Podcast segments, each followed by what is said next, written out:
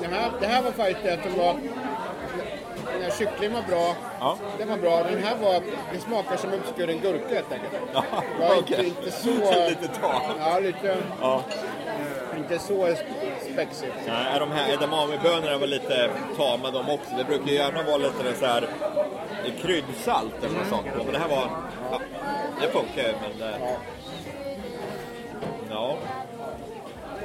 Hur som helst så... ehm, Ja, hej, det är New York-podden sitter och käkar här. Ja. Med Erik Bergin och Daniel Svanberg. Hej, hej. Och eh, vi kom på en grej här för att... Eh, som vi kanske skulle prata om. Och, det slog, för det slog mig ut att ni har ju köpt hus, har ni inte Ja, det? vi har gjort det.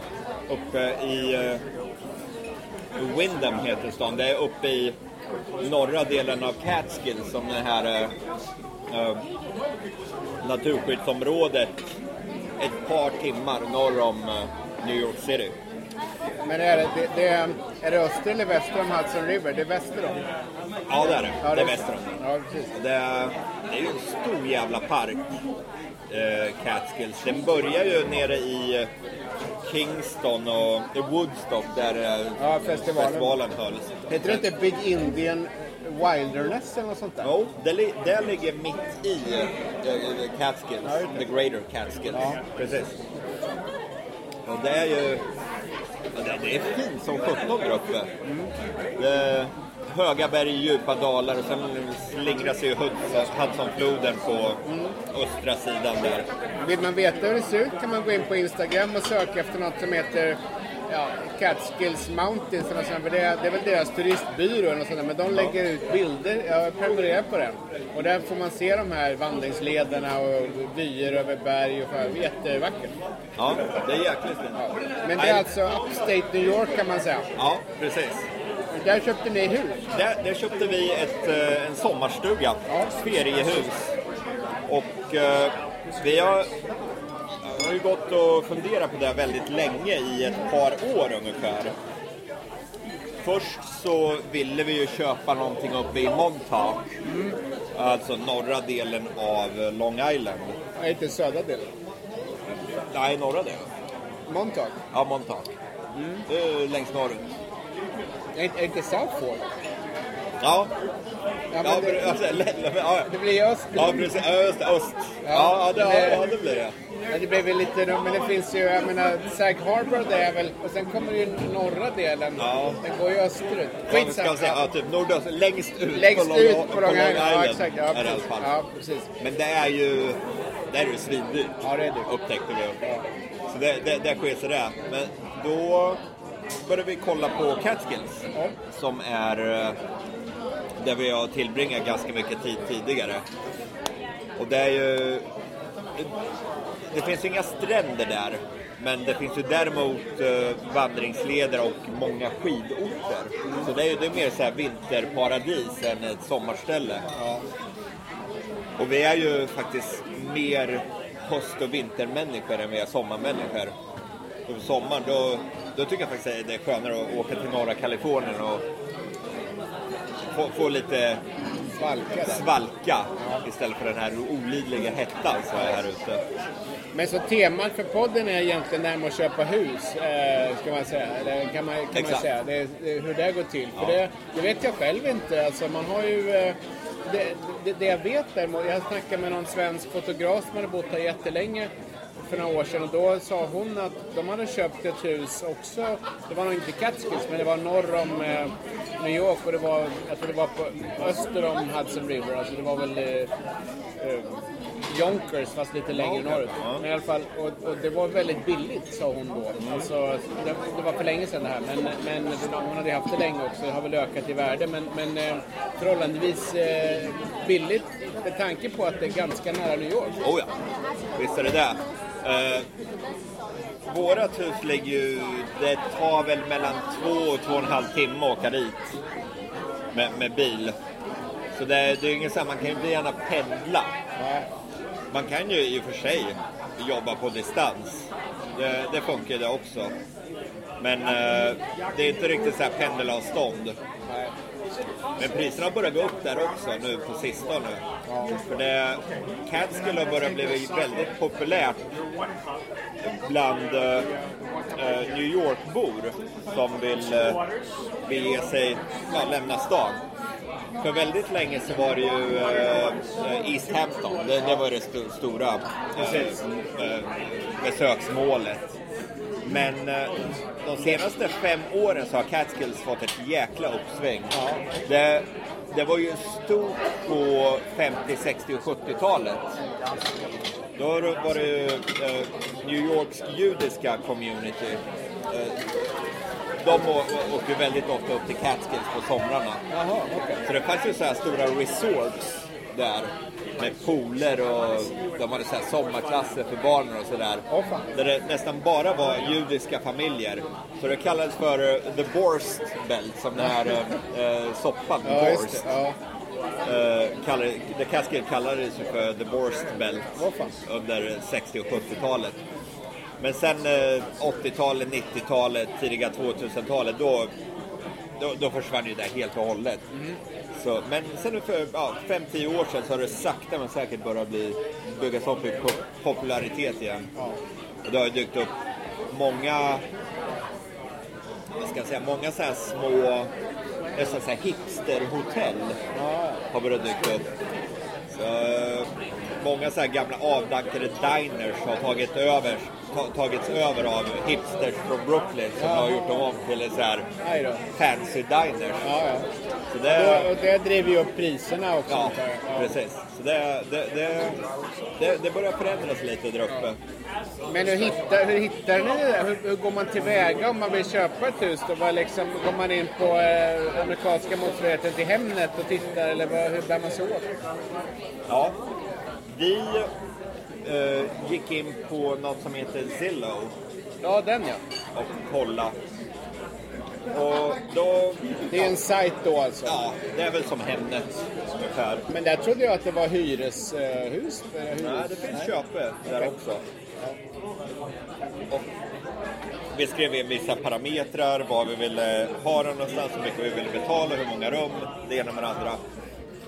Och eh, först så hittade vi ett ställe som låg eh, lite längre bort, eh, strax utanför eh, Catskills, själva parken då.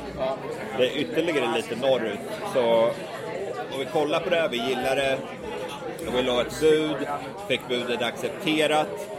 Men sen kom ju inspektionen. Just det, det vet jag du berättade om. Ja. Det Och då- ruttet alltså. Ja, det visade sig att det här huset, det hade trägrund. Ja. Och det, trägrund funkar om det är så här noll luftfuktighet, så här, mitt ute i öknen. Då kan du ha en trägrund. Arizona. Ja, men här, det är liksom, han sa det, det här huset det, det har max livstid på 50 år, livslängd på 50 år. Sen kommer det att rasa samman. Och det, var, det hade byggts, vad var det, 1980 eller något sånt. Så det var liksom precis på sluttampen. Så det, det, vi backade ur där fortare än ja, vi hann blinka. Men eh, och, man, man gör, det, det är ofta, jag har en känsla av att jag menar, om, man tittar, om man ska köpa en svensk sommarstuga så det händer ju att folk tar in en inspektionsman men långt ifrån alltid skulle jag säga. Jaha. Ofta, ofta kanske det är en inspektion gjord, då läser man ju det protokollet. Men jag tror det händer att folk eh, tittar så gott de kan och nosar och känner om det, du vet, om det, om det är mögel och, och sen slår till. Det varierar såklart men jag tror inte att det Här, här är... är det, Det är det, det är nästan till ett måste. Okej. Det är ytterst, ytterst sällan som folk väljer att inte ha det inspekterat. Ja. Speciellt om du ska ha ett banklån. Banken kräver en inspektion. Ja, de kräver det. Så det, det är nästan ett måste. Om du betalar allt i cash då kan du hoppa över det men det, det är väl investerade pengar att ha det eh, väl, eh, inspe- väl investerade pengar att ha det väl inspekterat. Ja, just det. Vad kostar en inspektion då? Jag tror den gick på 750 dollar. Det var inte farligt. Nej.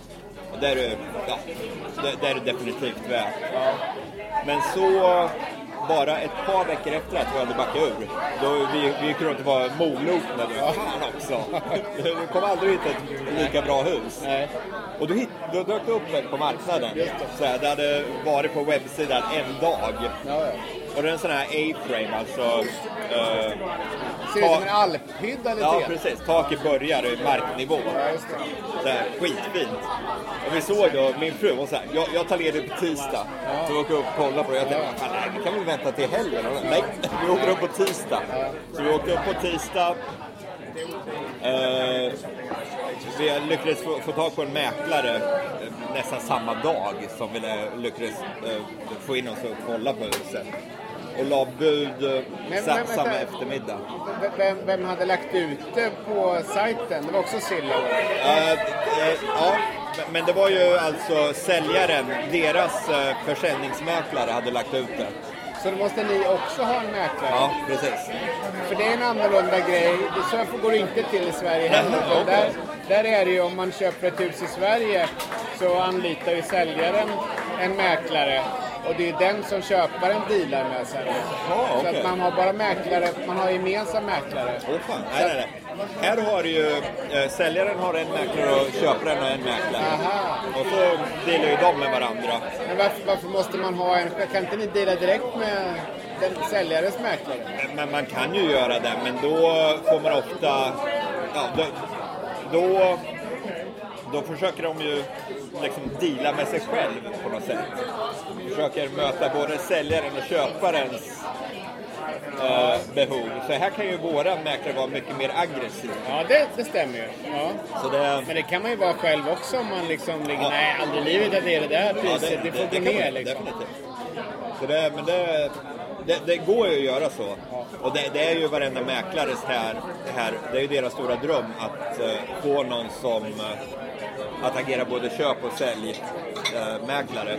För de får ju eh, kö- Säljaren betalar, jag tror 6 eller 7 procent av den totala eh, summan till mäklaren och sen delas det mellan köpmäklaren och säljmäklaren. Jaha. Så om eh, köp och säljmäklare är en och samma person, Ja. då får ju de hela 7 procent. Just det. Så det, det, det händer väldigt sällan. Men då lyckades vi i alla fall komma in där på tisdagen och kolla på det. La bud samma eftermiddag. Och jag tror det var dagen efter morgonen. Då sa de att det, det är flera bud. Så de vill ha best and final. Eh, klockan tre idag. Och då gick vi, ja fan ska vi, ska vi göra det här nu då? Så då Fick ni höja lite? Ja, så klurade vi ut liksom vad som funkar för oss. Så kom vi fram till en summa som kändes bra för oss. Så la vi den. Och sen fick vi ju då sam, äh, det här telefonsamtalet. Vi hade vunnit över an, de andra med 5000 dollar bara. Oj, jaha. Och sen, eh, och det, efter det, då drar den här väldigt långsamma processen igång. Det här var i maj, tror jag, slutet av maj. Och vi fick inte nycklarna förrän i augusti. Oj. Så det tar en två till tre månader innan hela processen är avklarad. Det, de älskar ju pappersexercis i det här landet. Vad är det för, vad, vad är det för papper? Eh, allt möjligt. Det, man ska säga bevis på inkomst, gamla skatt, eh, gamla deklarationer. Ja, Eh, alla papper, papper, papper. Så här, gamla räkningar och visa att man har betalat sina räkningar så att man verkligen visar att vi kommer att kunna betala det här. Men det är banken som kräver det alltså? Ja, där är det. Det där, det där är också väldigt mycket mer komplicerat än i Sverige. Ja. banken är intresserad av ens ekonomi i och för sig, men det är, dels har de tillgång till det genom att ringa Skatteverket. Alltså de får ut det. Ja. Och sen så, utöver det behövs ju egentligen ingenting. Åtminstone inte när man köper lägenhet. Det är ju, Det är eh, det, egentligen kan det vara klart inom en vecka liksom. Det, det låter som en dröm alltså. Ja, faktiskt. Men, Nej, men men det är ju det- det, är det som är så bra när saker och ting är centraliserade. Ja. Det, det existerar ju inte. Nej, så är det ju. Det, här vet ju inte högerhanden vad vänsterhanden gör. Det är, det existerar inte. Så det är papper, all- papper, papper, All den här papper. pappersexercisen, gick den via eran mäklare då hela tiden? Eller, och, och sen de hade kontakt med banken eller hade ni kontakt med banken själva? Eller funkar det? Mäklaren var ju bara en av våra mäklare. Ja. Så det var, det var ju mäklaren, eh, fastighetsmäklaren. Sen skaffade vi en mäklare för eh, banklånet. Oj, En mäklare för försäkringen. har mäklare för allting? Ja, så det är, det är liksom agenter till höger och vänster som, Det låter ju helt Ja. absurt. jag vet, det, Det- det, det är helt vansinnigt. För det, alltså, om om man ska säga att man i Stockholm eller var som helst i Sverige köper en bostad så har man ju då om man är om, man är köpare så har man ju ingen mäklare utan då gör man ju upp med den mäklaren och sen ringer man ju banken. Ja. Hej, jag har köpt ett hus. Vill ni, kan jag få lån? Och säger de ja, vilket brukar gå... Man kan ju få ett lånelöfte inom några sekunder på webbsidan. Liksom. Och sen så är det egentligen klart. Ja, sen ska man skriva på pappren då, men det går ju på en timme. Det är otrolig skillnad. Ja, det, det är liksom, just att det går fort, det, det låter ju jävligt bra. Men här är det, mäklaren lyckas ju ofta hitta bättre dealer för en. Det kan jag tänka Så mig. det är det som är fördelen med det. Speciellt vad, vad gäller lånet och få ner eh, räntan lite. Vad betalar man för, för ett eh, banklån i den? Jag menar, man köper ett sommarhus då. Vad, är- vad, vad är räntan? Räntan för ett sommarhus ligger runt, vad är det, fyra, mellan 4 och 4,5 procent. Okej. Så det är inte så här skyhög. Nu, nu är ju räntan rätt låg just nu vill jag minnas. Vet du vad den är just nu?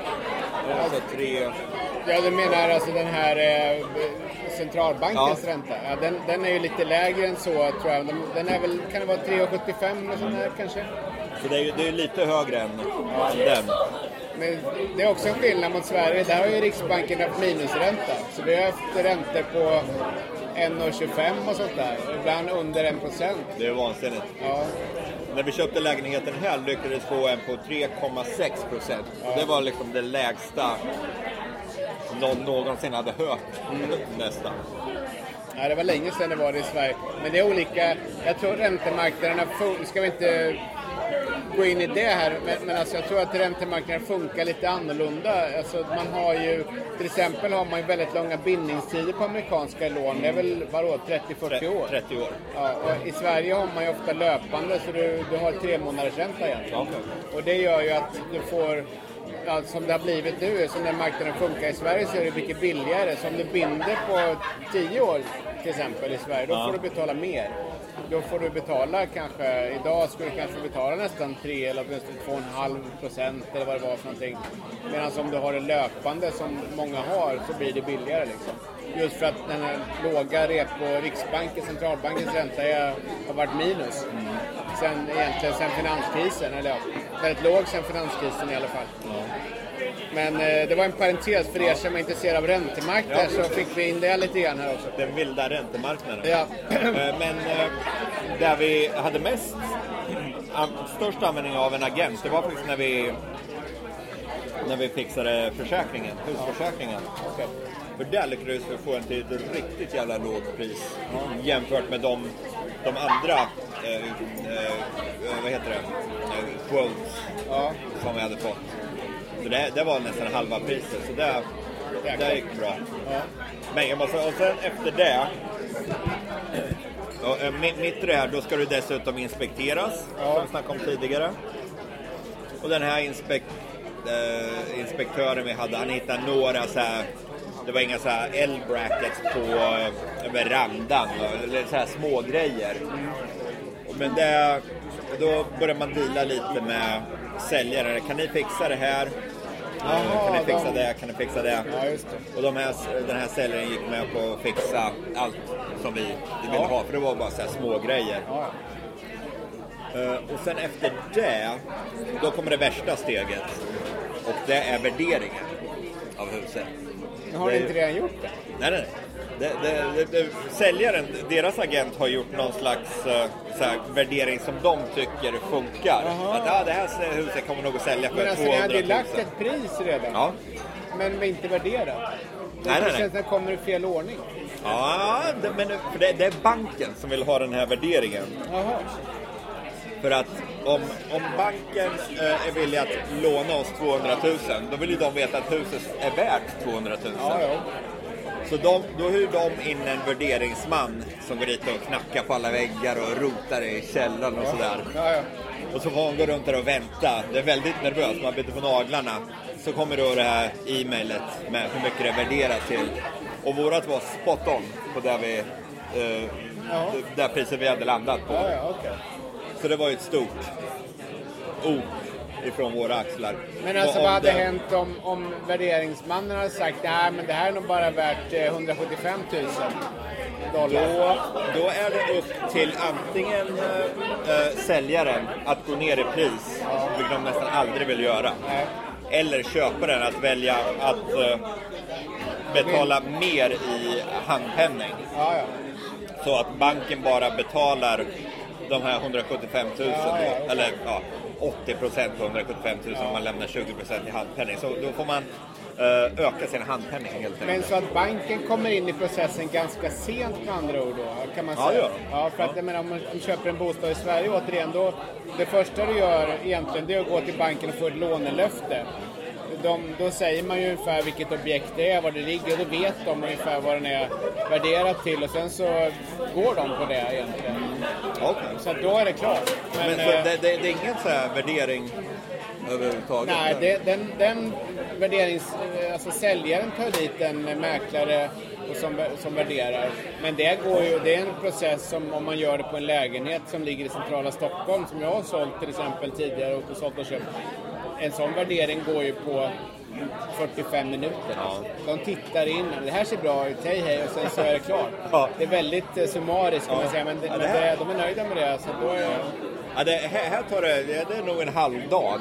Det är mycket så här de jämför med tidigare sålda hus Ja, i, Ja, i man. grannskap. Och det var ju något vi gjorde för att landa på våran summa också. Hur mycket vi var villiga att betala. För då gjorde jag en sökning på recently sold. ja.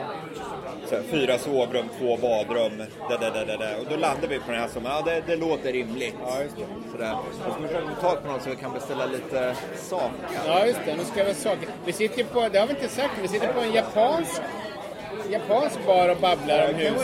Two one cup. Ja. Vad, vad fick vi nu? Det var, Eh, Det är så här One Cup heter de.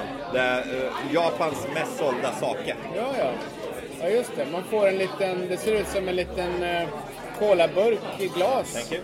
Så är saker i. Och den, den är god den här saken. Tackar. Ska vi köra en liten skål? Ja, ja, det gör vi. Ja. Skål på det.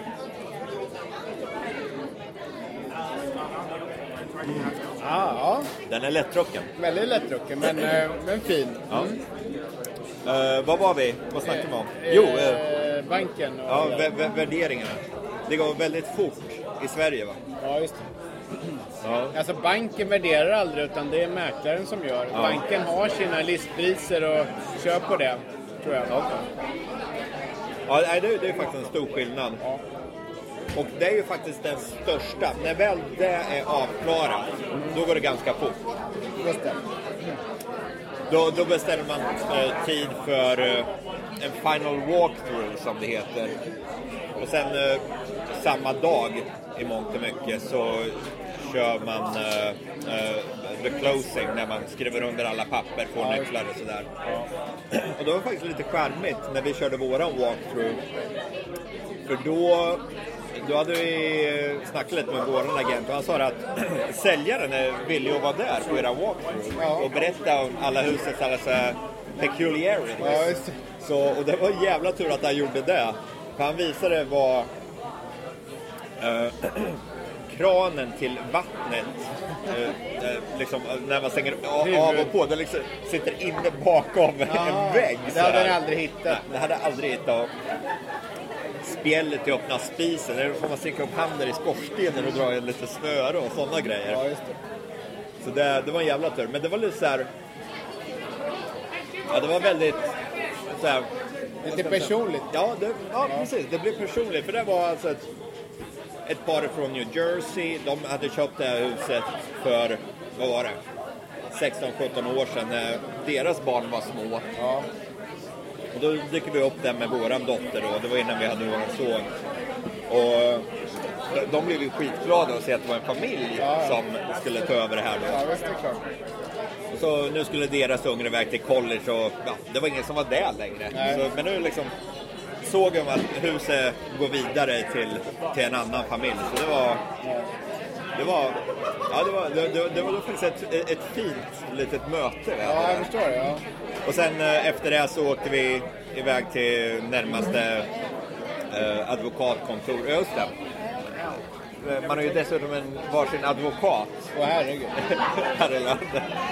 Så vi hade ju, eh, vi hade hyrt en advokat i eh, sta, li- lilla byn Catskill som ligger en timme därifrån. Ja. Så vi åkte till vårat advokatkontor allihopa. Och då var ju agenterna där, eh, en man ifrån banken var där. Så det var ju tio pers runt ett konferensbord. Och, så det, det är en riktigt jävla stor grej. Det låter ju faktiskt helt eh, knasigt. Ja, och det, det tog en dryg timme att skriva under alla papper också. Ja. Med skrikande eh, en och en halvåring på ena armen. Så Men alltså var- alla dessa agenter, advokater och agenter ska ju ha pröjs. Ja. Har ni upp, uppskattat ungefär hur mycket ni gav i olika arvoden? Det, det inkluderas ju något som kallas closing costs. Och de räknar ju på att mellan 5 till 10 procent av den totala summan går till closing costs. Och jag tror vi var nästan smack in the middle där på 7-7,5 procent ungefär. Okej, så köper man någonting för, vad ska man säga, 200 000 dollar. Det är väl ungefär 2 miljoner kronor. Då får man räkna med att eh, 2, 20, 15, 20 000 går i, i eh, sådana kostnader. Arvoden, ja, minst. Det, det, Det är i och för sig inte... jävla massa ja, pengar. ja, det är det ju. Det är för sig inte... Det, sam, om det är så många så kanske inte den totalkostnaden är så jättemycket, men, men det, det är ändå mycket pengar. Liksom. ja, visst är det det. det. Kan man ju ha roligare, göra roligare saker för än att hyra en advokat. Men jag tror att det är någon förändring där, för jag har hyrt... Först, vi hyrde ju en lägenhet eh, när jag flyttade hit 2014, sen hyrde jag en, en till 2016 också. Och där var ju båda de, eller förresten, nej inte det första, men i det andra fallet så var det ju, fick jag, då var det också en mäklare. Men jag hade ingen egen, men däremot hade väl, det var ju sälj, fastighetsbolaget hade lagt ut den via en mäklarfirma och det var de som jag dealade med och jag fick ju betala deras arvode. Och det var, det var nog, jag tror det var 20 000 kronor. Liksom. Fast en jävla... Ja, just det. Hade inte du någon eh, nyhet om den? Jo, jag, jag tror, och sen läste jag nu bara för några veckor sedan, en månad, månad sedan kanske i New York Times att det är på gång en förändring där. Att när man, jag tror det var så att när man hyr en hy, det här är hyres, hyreslägenhet i New York, men när man hyr en så ska eh, säljaren inte längre kunna kräva att, att köp, alltså köparen är det ju inte, men den som ska hyra, hyrestagaren så att säga, ska, ska inte behöva betala det där mäklarbordet. Just därför att det är inte jag som har anlitat mäklaren, det är ju säljaren som har gjort det. Ja, precis. Den som hyr ut. Och då är, har det tidigare varit så att det är den som ska hyra som får betala den där. Men det har de faktiskt nu då eh, tydligen lagstiftat emot på något sätt. Vilket är en väldig förbättring för att jag menar, och sen ska man ha en sån här garantor och har man inte det får man köpa den tjänsten. Det blir 20 000 till. Det drar iväg direkt så att jag menar, jävla hyra en, massa. ja, hyra en lägenhet i New York som är en vanlig sketen one eller two bedrooms och liksom inte, inget speciellt. Det kan ju kosta ja, i värsta fall så här 40 000 i olika avgifter och sen lite deposits på det så du kanske ligger ute med lika mycket till i, i förskottshyror och grejer. Precis. Jag tror man får räkna med, om man ska ha ja, en one bedroom eller en studio, att ha åtminstone 8000 dollar på kontot. Det tror jag. Kommer ju för sig tillbaks hälften i deposit, så här, men ja, det är... Ja, men det är jättemycket pengar. Och det, det förväntas att man har en massa cash liggande. Annars så har man inte... Det är inget svårt att hitta en lägenhet. Det finns hur många lägenheter som helst. Men att få ha råd med den, det är det som är tricket. Och hyran kanske man har råd med, men just den där... Det är som att... Ja, det, den, den, det, alltså, det är en startavgift som är väldigt eh, svår att ha- ha Men där är det som sagt tror jag, en förbättring på gång. Det är bra. Det kan ju vara kul att höra för alla som eventuellt ska flytta hit. Att Definitivt. det kanske går lite lättare. Och sen är ju alla sådana här jävla agenter så jäkla sliskiga också. Ja, direkt. Det är, man hittar någon sån här listing på nätet som säger oj det här ser jättebra ut. Så går- man dit säger nej den, den är tagen. Men jag kan visa den här istället. Så är den så här gammalt mögligt Ja. hål i väggen. Ja, visst. Eh, Men ett knep man kan använda sig av när vi, nu när vi är inne på det, om är någon som ska flytta hit, det är ju att gå direkt till eh, ett, eh, vad heter det, ett eh, management company. Ja, just det. Och, för de tar ju ofta inte någon avgift. Nej, det var det vi gjorde första gången. Det är faktiskt jävligt bra. För då går man ju dit, lämnar in körkort eller passet, får tio nycklar till tio olika lägenheter. Ja. Så går man runt och kollar själv. Ja, det, det är mycket bättre. Och, det, är- det är de här stora. Vi bodde ju i någonting som heter Stuyvesant Town och de har ju ett, som, som du sa, en managementkontor. Så man går dit, jag hade bokat tid från Stockholm och sen så gick vi dit, fick kolla på, jag tror det var tre eller fyra lägenheter. Och sen frågade hon egentligen bara, vilken vill ni ha?